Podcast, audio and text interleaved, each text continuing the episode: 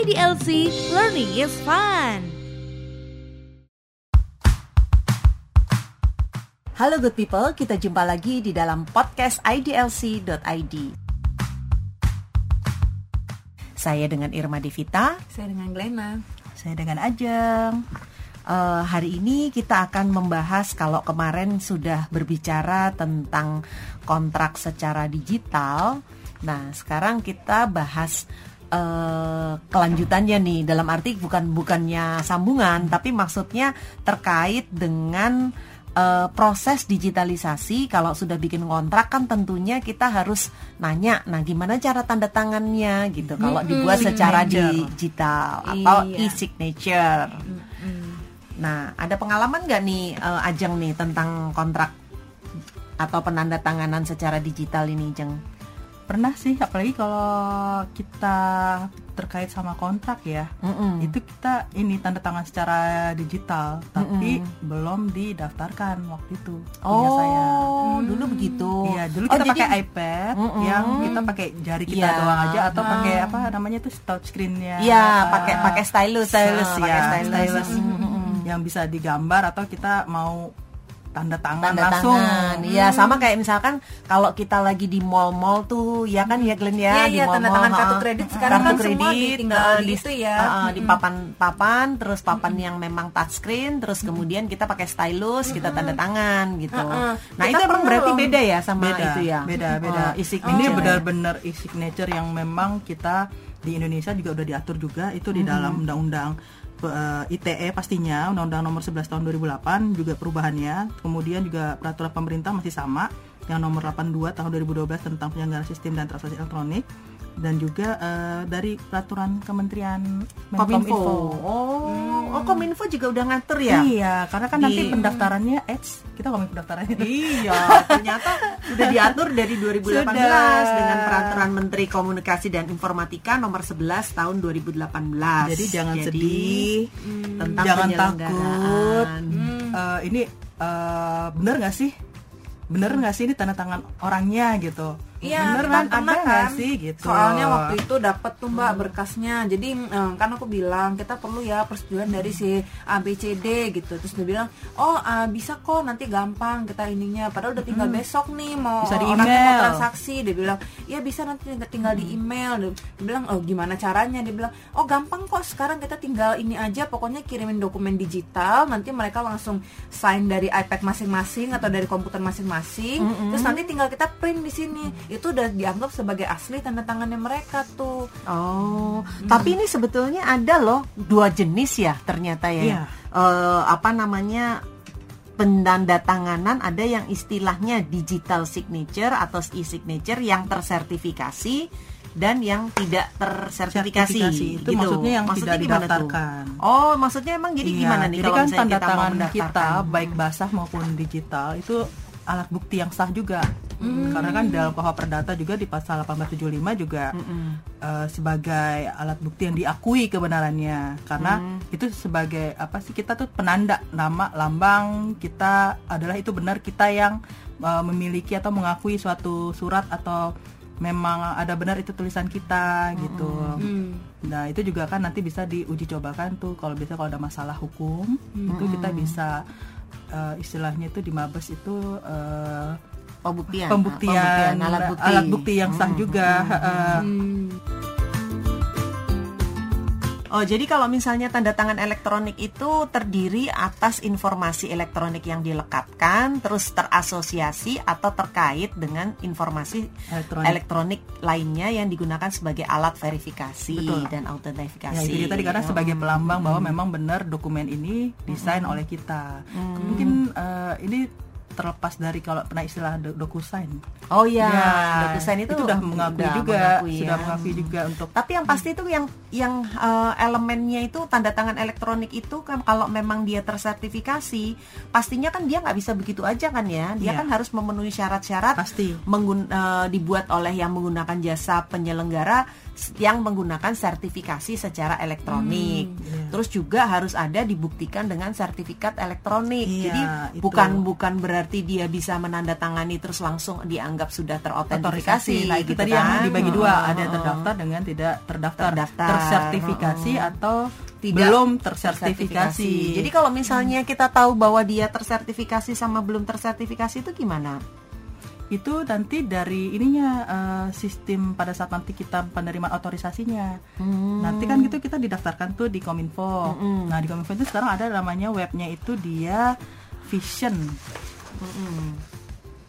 Hmm, jadi udah ada web yang khusus untuk kita daftarin tanda tanganin tanda tangan kita, nanti Iya. kita dapat kode autentifikasinya itu. Iya, karena kan keabsahan tanda tangan menurut Undang-Undang IT pasal 11 itu kan dia harus ada tanda tangan elektronik yang dapat dihasilkan melalui sebagai uh, prosedur tanda tangan. Terus kemudian tanda tangan tersebut memiliki kekuatan hukum di mana ada data pembuat tanda tangan. Nanti kan kita ada verifikasi data kita tuh.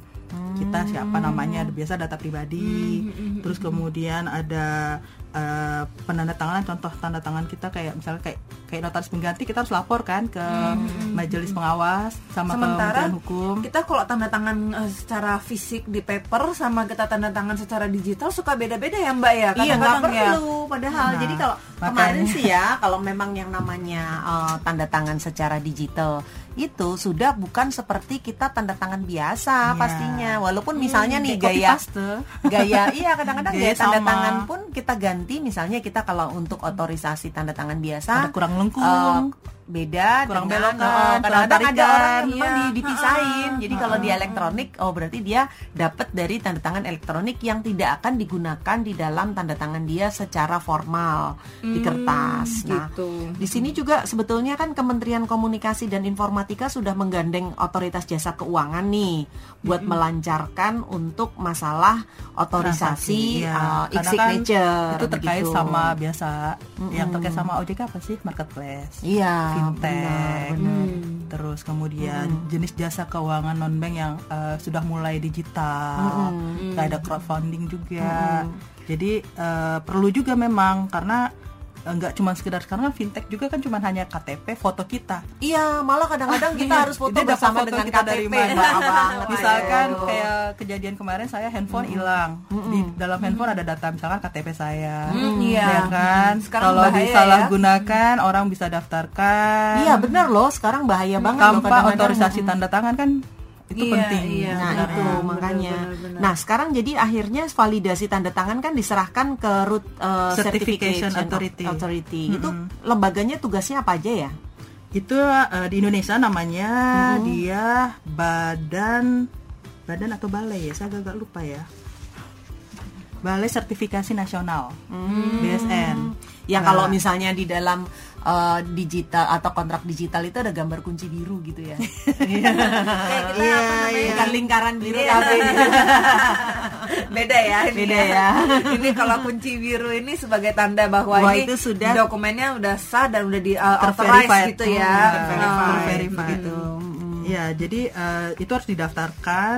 Itu ad- ada syarat-syaratnya, bisa dilihat sih di dalam eh, Undang-Undang link nomor 11. ya Undang-Undang nomor 11 juga. Kemudian di link dari Menkominfo sendiri persyaratannya itu banyak juga. Iya. Jadi kalau misalnya orang sekarang tuh yang elektronik elektronik itu ya kan kita sering tuh denger tuh, ih foto gue diedit tuh sama dia tuh jadi nggak ganti muka gitu kan. Nah itu kalau misalnya kita dokumen digital kita diedit gitu ketahuan nggak ya?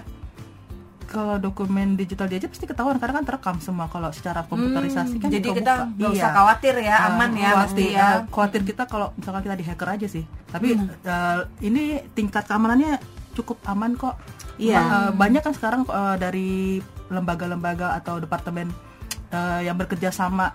Sekarang udah mulai dengan uh, digital signature.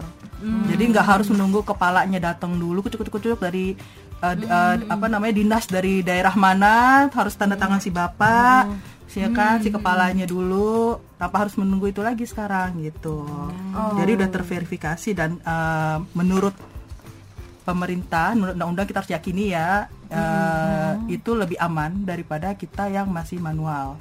Manual tuh gampang banget kan ditiru kan? Oh gitu. yang cat basah yang harus dengan pulpen itu apa namanya uh, lebih mudah diambil atau kita ditiru aja gitu kita apa di atas kertas terus tinggal ditimpa ngikutin Iya, bentuknya. Kalau ini kan enggak, dia dia harus punya pin kita, dia harus punya eh, kita verifikasi dulu, dia akan bisa pakai itu. Dan itu kan hanya kita doang biasanya yang kita untuk tempelkan atau kita lakukan di kontrak digital atau dokumen-dokumen lainnya. Iya, sebab kalau misalnya kalau saya baca sih ya di yang saya pernah dengar di dalam Undang-Undang Nomor 11 Tahun 2008 itu syarat sah dari digital signa- signature kan harus eh, sifatnya privacy eh, dat untuk data dan kemudian hanya diketahui oleh pemilik, tanda Pemilik. tangan dan pada saat si pembuat tanda tangan pembuatan tanda tangan hanya pemilik asli yang punya kuasa untuk Iya. menggunakannya. Misalnya kita mau ganti nih tanda tangannya, kayaknya nggak hoki nih setelah setelah kita bisa, ke- baca-baca, bisa ya, bisa dilakukan, nah, iya. bisa dilakukan, bisa dilakukan. Ya. itu didaftarkan lagi bisa Oh, dilakukan perubahannya. oke, oke. terus kalau misalkan ada kegiatan yang misalnya mungkin ya eh, ada yang menggunakan tanda tangan kita tapi kita merasa itu bukan tanda tangan kita itu kebaca ke detect Oh, Eh, itu bisa diketahui juga. Jadi kayak kayak kita penggunaan kartu kredit oleh siapa di mana tempatnya di mana padahal kartu kreditnya di kita. Dan kita kan suka dapat verifikasi email SMS tuh. Eh, telah terjadi transaksi di merchant mana tanggal Iya. sekian jam sekian jumlahnya sekian. Nah kita kalau merasa nggak pernah melakukan itu transaksi kita iya, bisa klaim kita bisa gitu ya. klaim. Iya loh kalau misalnya kartu kredit habis belanja di suatu tempat gitu kita suka dapat SMS kan? Iya. dapat SMS bahwa anda telah melakukan transaksi di tanggal di tanggal sekian di merchant apa sejumlah sekian. Nah apabila anda memang tidak melaksanakan ini segera hubungi. Iya kan? Sekarang kadang-kadang begitu. suka apa ya namanya beberapa kali pengalaman juga ada yang eh, udah ketipu nih. Misalnya nih dia bilang dia mengklaim bahwa dia nggak pakai ini gitu kan. Tapi dari eh, pihak eh, penyedia jasanya ya saya nggak mau tahu. Ini kan tetap eh, udah ada semacam kayak udah ada Persetujuan. eh, eh, eh, udah ada persetujuannya ya, udah ada kayak eh, dia tahu kode digitnya udah tahu tanda tangannya juga udah apakah tahu kunci Uh, uh, pabriknya ya mm-mm, dari tahu misalnya kalau ternyata ini suatu saat guna. dipakai gitu misalnya ternyata orang itu kayak katakanlah kita dihack atau apa terus dia tahu passwordnya kita terus dia bisa pakai. Ya, itu kita khawatir nggak sih perlindungan terhadap kita tuh gimana ya sebagai orang yang pengguna jasa itu ya? Nah, ini kebetulan juga belum pernah mendengar ya. Belum pernah ada berita yang tanda tangannya, iya masalah mengenai digital signature. Karena mungkin belum semua Iya, aware, masih baru masih soalnya. baru juga. Mungkin itu nanti balik lagi kepada pembuktian sih. Ya, karena tapi sebetulnya sih kalau untuk syarat yang di Undang-Undang Nomor 11 2008 ini udah udah cukup ketat ya. Selain tadi udah jelas si pembuat tanda tangan itu harusnya punya kayak kita mau bikin digital signature. Kita bisa eh, membuat suatu perbedaan apa ciri khas bahwa itu yang kita yang buat atau bukan. Karena ada cara cuma si khusus pemilik yang ah, tahu, untuk intinya mengetahui gitu. intinya seperti apa sih tanda tangannya dia. Terus kemudian juga ada cara khusus untuk buktiin bahwa pemilik tanda tangan sudah memberikan persetujuan yang sah mengenai informasi elektronik tertentu. Makanya artinya kan kita kalau memang kita sudah memutuskan mau kita membuat tanda tangan secara digital ya mungkin kita harus punya kode-kode tertentu lah dari tanda tangan kita Ada istilah Iya. teknologinya sih. atau Kode unik mm, ya. kode unik Ah. begitu ya nah itulah yang eh, tidak mudah membuat itu menjadi tidak mudah untuk ditiru kalaupun dihack itu orang nggak akan bisa sama persis gitu kan Ada istilahnya tuh namanya hash. Itu dia kita bisa nggak sih gunakan dokumen dengan eh, kunci privat yang berbeda. Nanti kita dapat yang namanya kunci privat atau kunci publik. Nah, itu dia beda penggunaannya. Tapi yang pasti sih kalau pemerintah sih menjamin ya untuk eh, verifikasi sama autentifikasi tuh nggak nggak bisa dengan semudah itu ditiru. Kecuali ya mungkin dia tahu kunci eh, privat kita. iya Gitu. jadi hash itu kayak semacam algoritma gitu ya Iya, Jeng ya iya, itu jadi ya. algoritma yang digunakan untuk membuat tanda tangan seperti si sejenis sidik jari, Sidik jari. Oh. Hmm, ya kalau sidik jari kita kan nggak bisa ya diambil udah orang ya Nah, Artinya satu hash itu cuman boleh buat satu dokumen dan nilainya lebih kecil daripada berkas asli berarti. Jadi satu hash satu dokumen. Kalau ada dokumen lain berarti harus punya hash lainnya gitu iya, ya. Iya. Untuk tidak mudah oke, ya oke. kayak ini kalau kita mau masuk suatu email kan sekarang biar kita nggak bukan robot membuktikan kita bukan robot kan ada algoritma tuh Algoritma. ada Mhm. eh, tunjukin nih misalkan mana sih eh, yang dimaksud sama uh, traffic lalu light. lintas, traffic light, ah, atau ah. restoran, atau gedung, atau apa. Nah, seperti itu. Jadi eh, kalau misalnya unsur yang terkait dari fungsi hash itu apa aja tuh jeng jadinya jeng? Unsur terkait. eh, yang pasti sih bisa membuktikan untuk autentifikasinya ya Bu ya. Pembuatan tanda tangannya memakai nilai hash yang berasal dari berkas atau kunci privasi. Oh. Dan itu sudah didefinisikan. Kemudian kalau misalnya tanda tangannya itu diterapkan pada dua dokumen yang sama, kunci privatnya sama nggak tuh kalau kayak gitu? Beda dong. Oh beda. Beda. Jadi oh iya ya tadi satu Beda. satu hash satu dokumen. Satu dokumen. Berarti kita harus punya banyak dong ya kalau kayak gitu ya. Mungkin ada ada kayak cara khusus kali ya Iya. Jeng ya untuk kayak menciptakan suatu hash tadi. Jadi kalau pada saat verifikasi tanda tangan digital prosesnya harus direferensikan lagi ke berkas asli dan kunci publik. Nah, kalau udah gitu berarti tanda tangan tersebut baru bisa diakses sama diakses. penerimanya. Iya, itu dia ada metodenya sih. Jadi kalau misalkan uh, kita udah tahu pada saat mengirimkan dokumen dan itu dia tahu ininya kita, kunci publik atau kunci privatnya kita itu tadi yang uh, nilai hashnya itu bu. Nah itu dia baru bisa kebuka. Heeh. Tapi bisa juga yang namanya kunci hash itu apakah sama seperti PIN? ATM gitu lebih. ya. Mungkin ada ya. orang IT ya di sini. itu istilah-istilah Iya, teknologi. istilah teknologi ya. Iya. Karena belum menikah dengan teknologi, Teknologi, jadi kita masih kurang paham kita. kurang paham maksudnya. Tapi seperti itu. Kalau menurut undang-undangnya ya kita bicara Iya, undang-undang.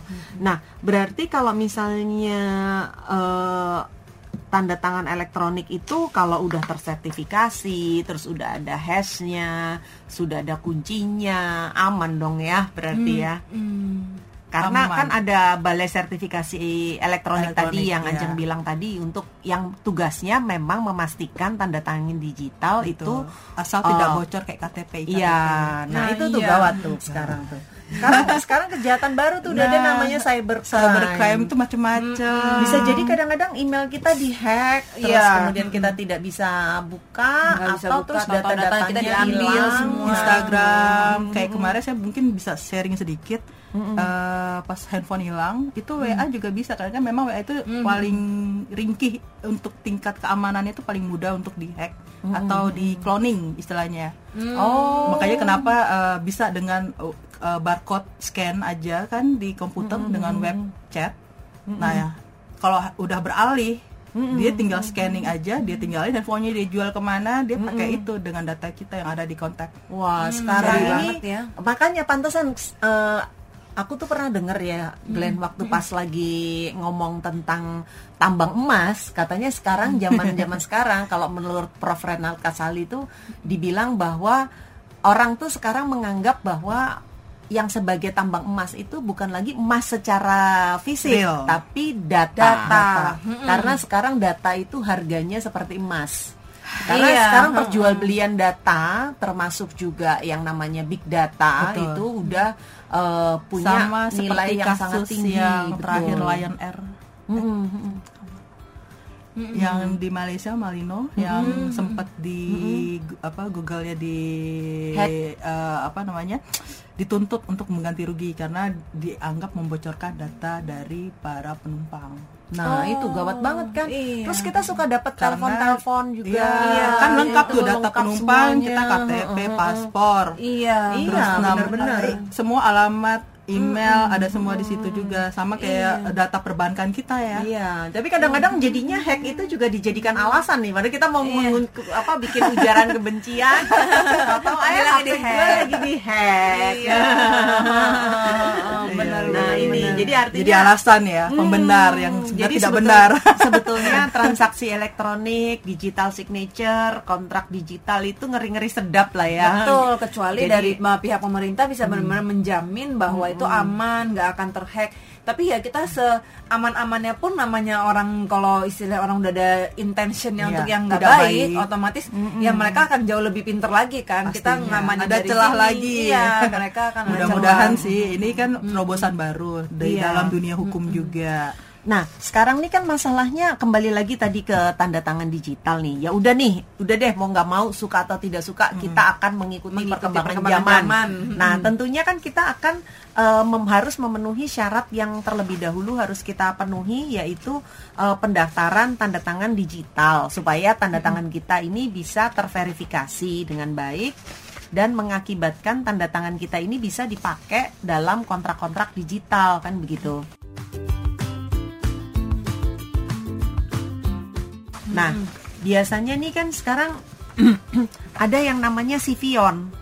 Sivion Nah. ini kan sistem verifikasi identitas online nasional. Ya, itu yang ada di eh, webnya Memkon Memkominfo. Mm-mm. Susah banget ngomong. Iya. Kominfo. Jadi dengan adanya eh, pendaftaran atau diperkena- didaftarkan ke Sivion tadi sistem verifikasi identitas online nasional ini eh, juga bisa dilakukan dalam rangka penyusunan regulasi penggunaan root daripada Certificate of Authority Pastinya, pastinya. terus pembentukan CA termasuk implementasi atau pilot project dan promosi pemanfaatan tanda tangan digital ke Iya. publik. Nah, Karena belum kemudian- semua publik Mm-mm. menggunakan signature eh, digital ini.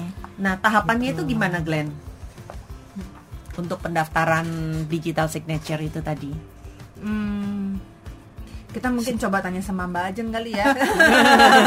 lempar lagi Yang bisa, ya. cocok. Jadi eh, setelah kita melakukan registrasi di situ nanti ada eh, kita buat eh, password pastinya. Ada akun password meng- apa menggunakan aplikasi yang sudah disediakan oleh si pihak penerbit. Untuk sementara sih baru pemerintah ya. Mungkin nanti nggak tahu ada pihak swasta mungkin yang akan bisa eh, menjadi apa eh, si penerbit sertifikat digitalnya si Iya. otorisasi biar bisa bagi tugas lah. Ya, nanti Gitu. si Sivion itu yang akan mengeluarkan sertifikat gitu ya, Jeng betul, ya, berarti betul, ya, Jeng ya. betul, betul. mungkin nanti lama-lama kita sekolah nge sertifikat kita kelulusan itu mungkin eh, pakai digital juga kali Ya, ya. udah mulai. Udah mulai, udah mulai. semuanya. Terus kemudian nanti kalau udah ada eh, verifikasi, maka nanti kita tinggal datang bawa KTP berarti ya, Jeng ya. Iya, semua dokumen yang diperlukan sih. Mm-mm. Melalui ya kan kita ya registrasi kan ada kelihatan itu tuh email-email kita, kita masukin data kita, terus kemudian apa yang dibutuhkan, eh, data terkait lainnya, mungkin contoh tanda tangannya, spesimen tanda tangan. Ya, terus nanti eh, kita kembali lagi bawa KTP asli Mm, ke dan itu akan dicek validitasnya semua dokumen kita. Oke. Jadi sebelum dikeluarkan, eh, mereka akan cek validitas dan eh, melacak sertifikat eh, baik yang misalkan sudah ada, dia udah kadaluarsa kah, sudah masih berlaku kah, atau ada perubahan tanda tangan kah, atau apa gitu. Ya dari nanti di loket RE tadi uh, registration, registration. authority beserta kunci publik pribadi dalam bentuk nanti berarti ada keluar semacam certificate signing, Signing. request ke RE atau uh, registration authority untuk diterbitkan sertifikat digitalnya ya oleh si uh, certificate authority tadi. Jadi ada registration authority, ada certificate authority. Nah, kemudian proses ini baru otomatis dilakukan di situs uh, sistem info, Kominfo. uh, si- sistem Sivion. Sivion. Jadi sistem verifikasi identitas, online nasional. Ini asal jangan dihack aja nih ya. Ih, ngeri banget tuh kalau misalnya kayak gitu Aduh, tuh. jangan doa yang aneh-aneh. Kita Nah, berharap yang baik-baik. Kalau udah disertifikasi, udah diterbitkan sertifikatnya, nanti eh, ada link khusus berarti ya, yang isinya user, Username name kita, dan password, password pastinya. terus kemudian ada dokumen, Dokumen juga. dan juga eh, P12 yang berisi sertifikat di- digital, pasangan kunci dan pakai PIN. Berarti pakai token dong, jangan-jangan. Iya, pakai token. Pasti ya. ada OTP OTP-nya. Oh, pakai OTP. Oke, Apakah lewat email. ke email. Nah, pastinya di email by Glenn. request pada saat kita permohonan kayaknya. Hmm, jadi kita do- penting ya punya domisili domisili digital, domisili digital. Nah, nanti Iya. eh, si eh, pihak CA yang akan menjadi pihak yang senantiasa melakukan pengecekan validitas dan melacak sertifikat yang telah dicabut atau yang kadaluarsa. Karena kan bisa jadi seperti yang tadi ya Jeng ya Iya. atau Glenang tadi ada yang kita lakukan perubahan tanda tangan, misalkan kita udah kayak gitu lagi, apa domisilinya Udah udah ganti. ganti, dom- identitas udah ganti. Terus juga pengawasan terhadap lembaga atau individu yang ingin bertransaksi secara online. Oh, iya. Karena bisa jadi misalkan eh, untuk mengeluarkan pengesahan SK Menkeh untuk pengesahan PT kan sekarang kan pakai tanda tangan digital, HT online Iya, atau HT elektronik. kementeriannya sudah mulai digital. sudah pakainya pakai digital. Untuk e-faktur juga pajak. E-faktur juga sudah Dirjen mulai. pajak sudah. Nah nanti kalau pejabatnya ganti kan bisa Harus kelihat kelihatan. dari itu dari Kapan? adanya perubahan di dalam sertifikat. Terus misalnya kita kalau kayak KTP nih orangnya udah meninggal kan dicabut tuh ya KTP-nya ya. Nah, bahkan tapi kadang-kadang ada. yang nggak dicabut juga gitu. Nah ini juga mungkin uh, kalau nanti misalnya si Diganti. orang yang punya itu mungkin uh, apa yang punya uh, tangan. e-signature itu kalau meninggal mungkin juga nanti ada sistem yang buat ngecabut kali. Harusnya. Kalau nggak tahu-tahu nanti tiba-tiba mengembara. meninggal tanda tangannya masih ke mana-mana gitu kan. Iya benar juga benar ya. benar bahaya Bagusnya banget. sih dibuat term ya, dibuat waktunya, jangka waktunya. Iya, idealnya Jangan sih begitu. Terlalu lama juga. Atau kalau misalnya nih, kalau eh, ada seseorang dia membuat se apa namanya sertifikasi untuk tanda tangan secara elektronik. Terus oh, keluarganya emang tahu kalau dia bikin Nah, begitu ya. Kalau dia tiba-tiba dia meninggal, nggak dicabut, ya nggak dicabut, Ah. itu bahaya juga sih. Ya, pastinya Apakah sih itu nanti sistemnya akan eh, terintegritas ya semuanya nyambung. Jadi misalnya begitu dia diterbitkan akte kematian otomatis KTP langsung eh, berakhir, langsung semua yang ada hubungannya sama dia langsung berakhir semua gitu. Apakah akan begitu? Ya, kayaknya saya rasa gitu lebih aman kali Lebih ya, Mbak, ya. aman, betul. Nah, kayaknya kita udah panjang lebar nih kita ngomong tentang tanda tangan elektronik. Sekarang kan tadi udah eh, kita bahas tentang prosedur kita bagaimana mendaftarkan tanda tangan elektronik. Nah, sekarang eh, kira-kira Glenn apakah Untuk ada lembaga yang oh, lembaga yang menerbitkan? authorize-nya ya. Iya. Nah, sekarang tuh ada pemerintah sama swasta jadinya ya. Oh, swasta udah ada ya berarti ya? Nah itu katanya masih rencana sih ke depannya nantinya swasta akan bagi-bagi ada juga ya. bagi-bagi iya. jangan Jadi di mana aja kalau misalnya kayak pemerintah Nah Glenn? sekarang pemerintah itu baru ada Dirjen Pajak, nah, Lembaga Sandi Negara sama Iteknet BPPT. Nah Oh, baru itu tiga doang sih iya. yang uh, yang mengeluarkan sertifikasi untuk uh, digital signature ini. Nah kalau yang lainnya tuh masih belum katanya masih uh, dalam proses. OJK on proses. OJK Iya, masih on Karena proses. masih banyak transaksi online juga sih dari OJK. Iya. Cuman eh, kayaknya bahaya banget nggak sih Jeng kalau misalnya ah, apa swasta bisa megang Iya, juga. ngeri. Kayaknya data pribadi kita itu Harusnya udah benar-benar nggak pemerintah ya. pribadi Iya. lagi gitu ya. Kayak KPK pemerintah benar-benar lembaga super- Seharusnya super harusnya body. sih pemerintah Pribadi ya. Oh, oh. Jangan nanti bagaimanapun kalau misalnya eh, swasta itu kan tetap ada istilahnya profit ya, Iya, yang benar. akan Ada di kepentingan kepentingan pribadi kan. pribadi. Heeh. Nah itu yang kita ada rasa kekhawatiran sekarang aja ya kayaknya kita eh, pesen makanan apa, kita setiap hari eh, Glena pergi ke mana, Udah Glena ketahuan, hobinya apa, iya, heeh. udah ketahuan Kecatet. semua, kecatet semua secara secara Iya bahkan kita di sekarang sistem. kalau buka eh, ini ya apa namanya eh, kayak semacam Google, apa, Grab, Grab. Gojek gitu kan, mereka langsung tahu suggestion untuk Glena hari ini apa, dia udah tahu Iya, kita sering-seringnya searchnya apa. jam se- jam segini apa, Iya, ke mana, Itulah kehebatan dari kecanggihan teknologi. Nah, sekarang nggak profesi, bisa memungkiri kalau kita manusia lupa.